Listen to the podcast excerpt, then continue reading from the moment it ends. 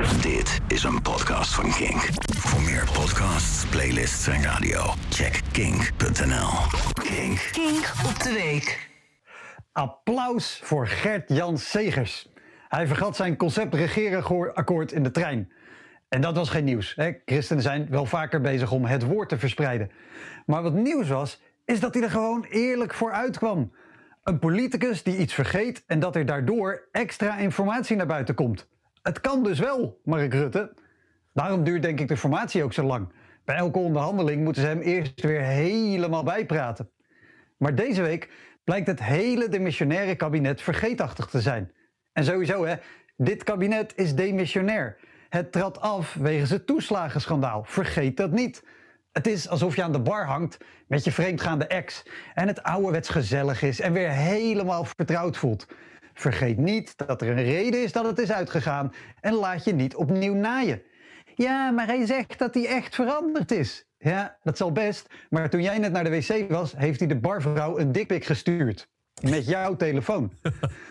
Het kabinet is vergeten dat we vorig jaar een vuurwerkverbod hadden om de zorg te ontlasten. En dat dat heel goed beviel. En de zorg heeft het dit jaar nog drukker. En het is pas half november.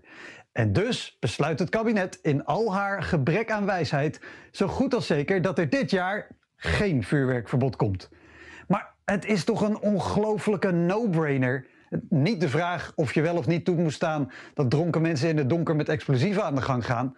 Nee, de eikel die zorgt dat hij of een onschuldige omstander met vuurwerkletsel naar een arts moet.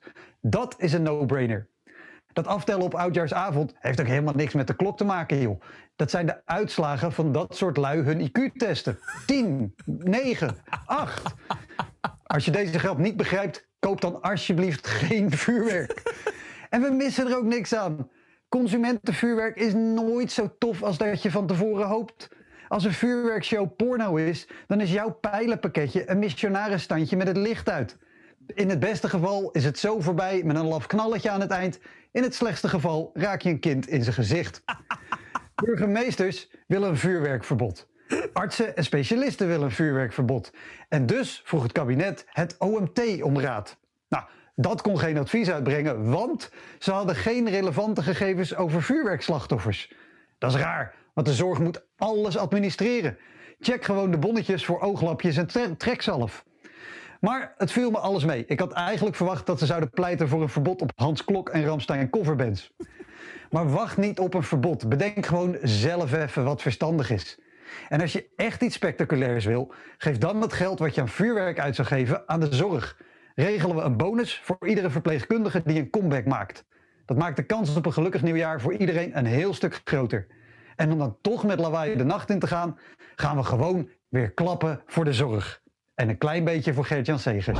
Dit was een podcast van Kink. Voor meer podcasts, playlists en radio, check kink.nl.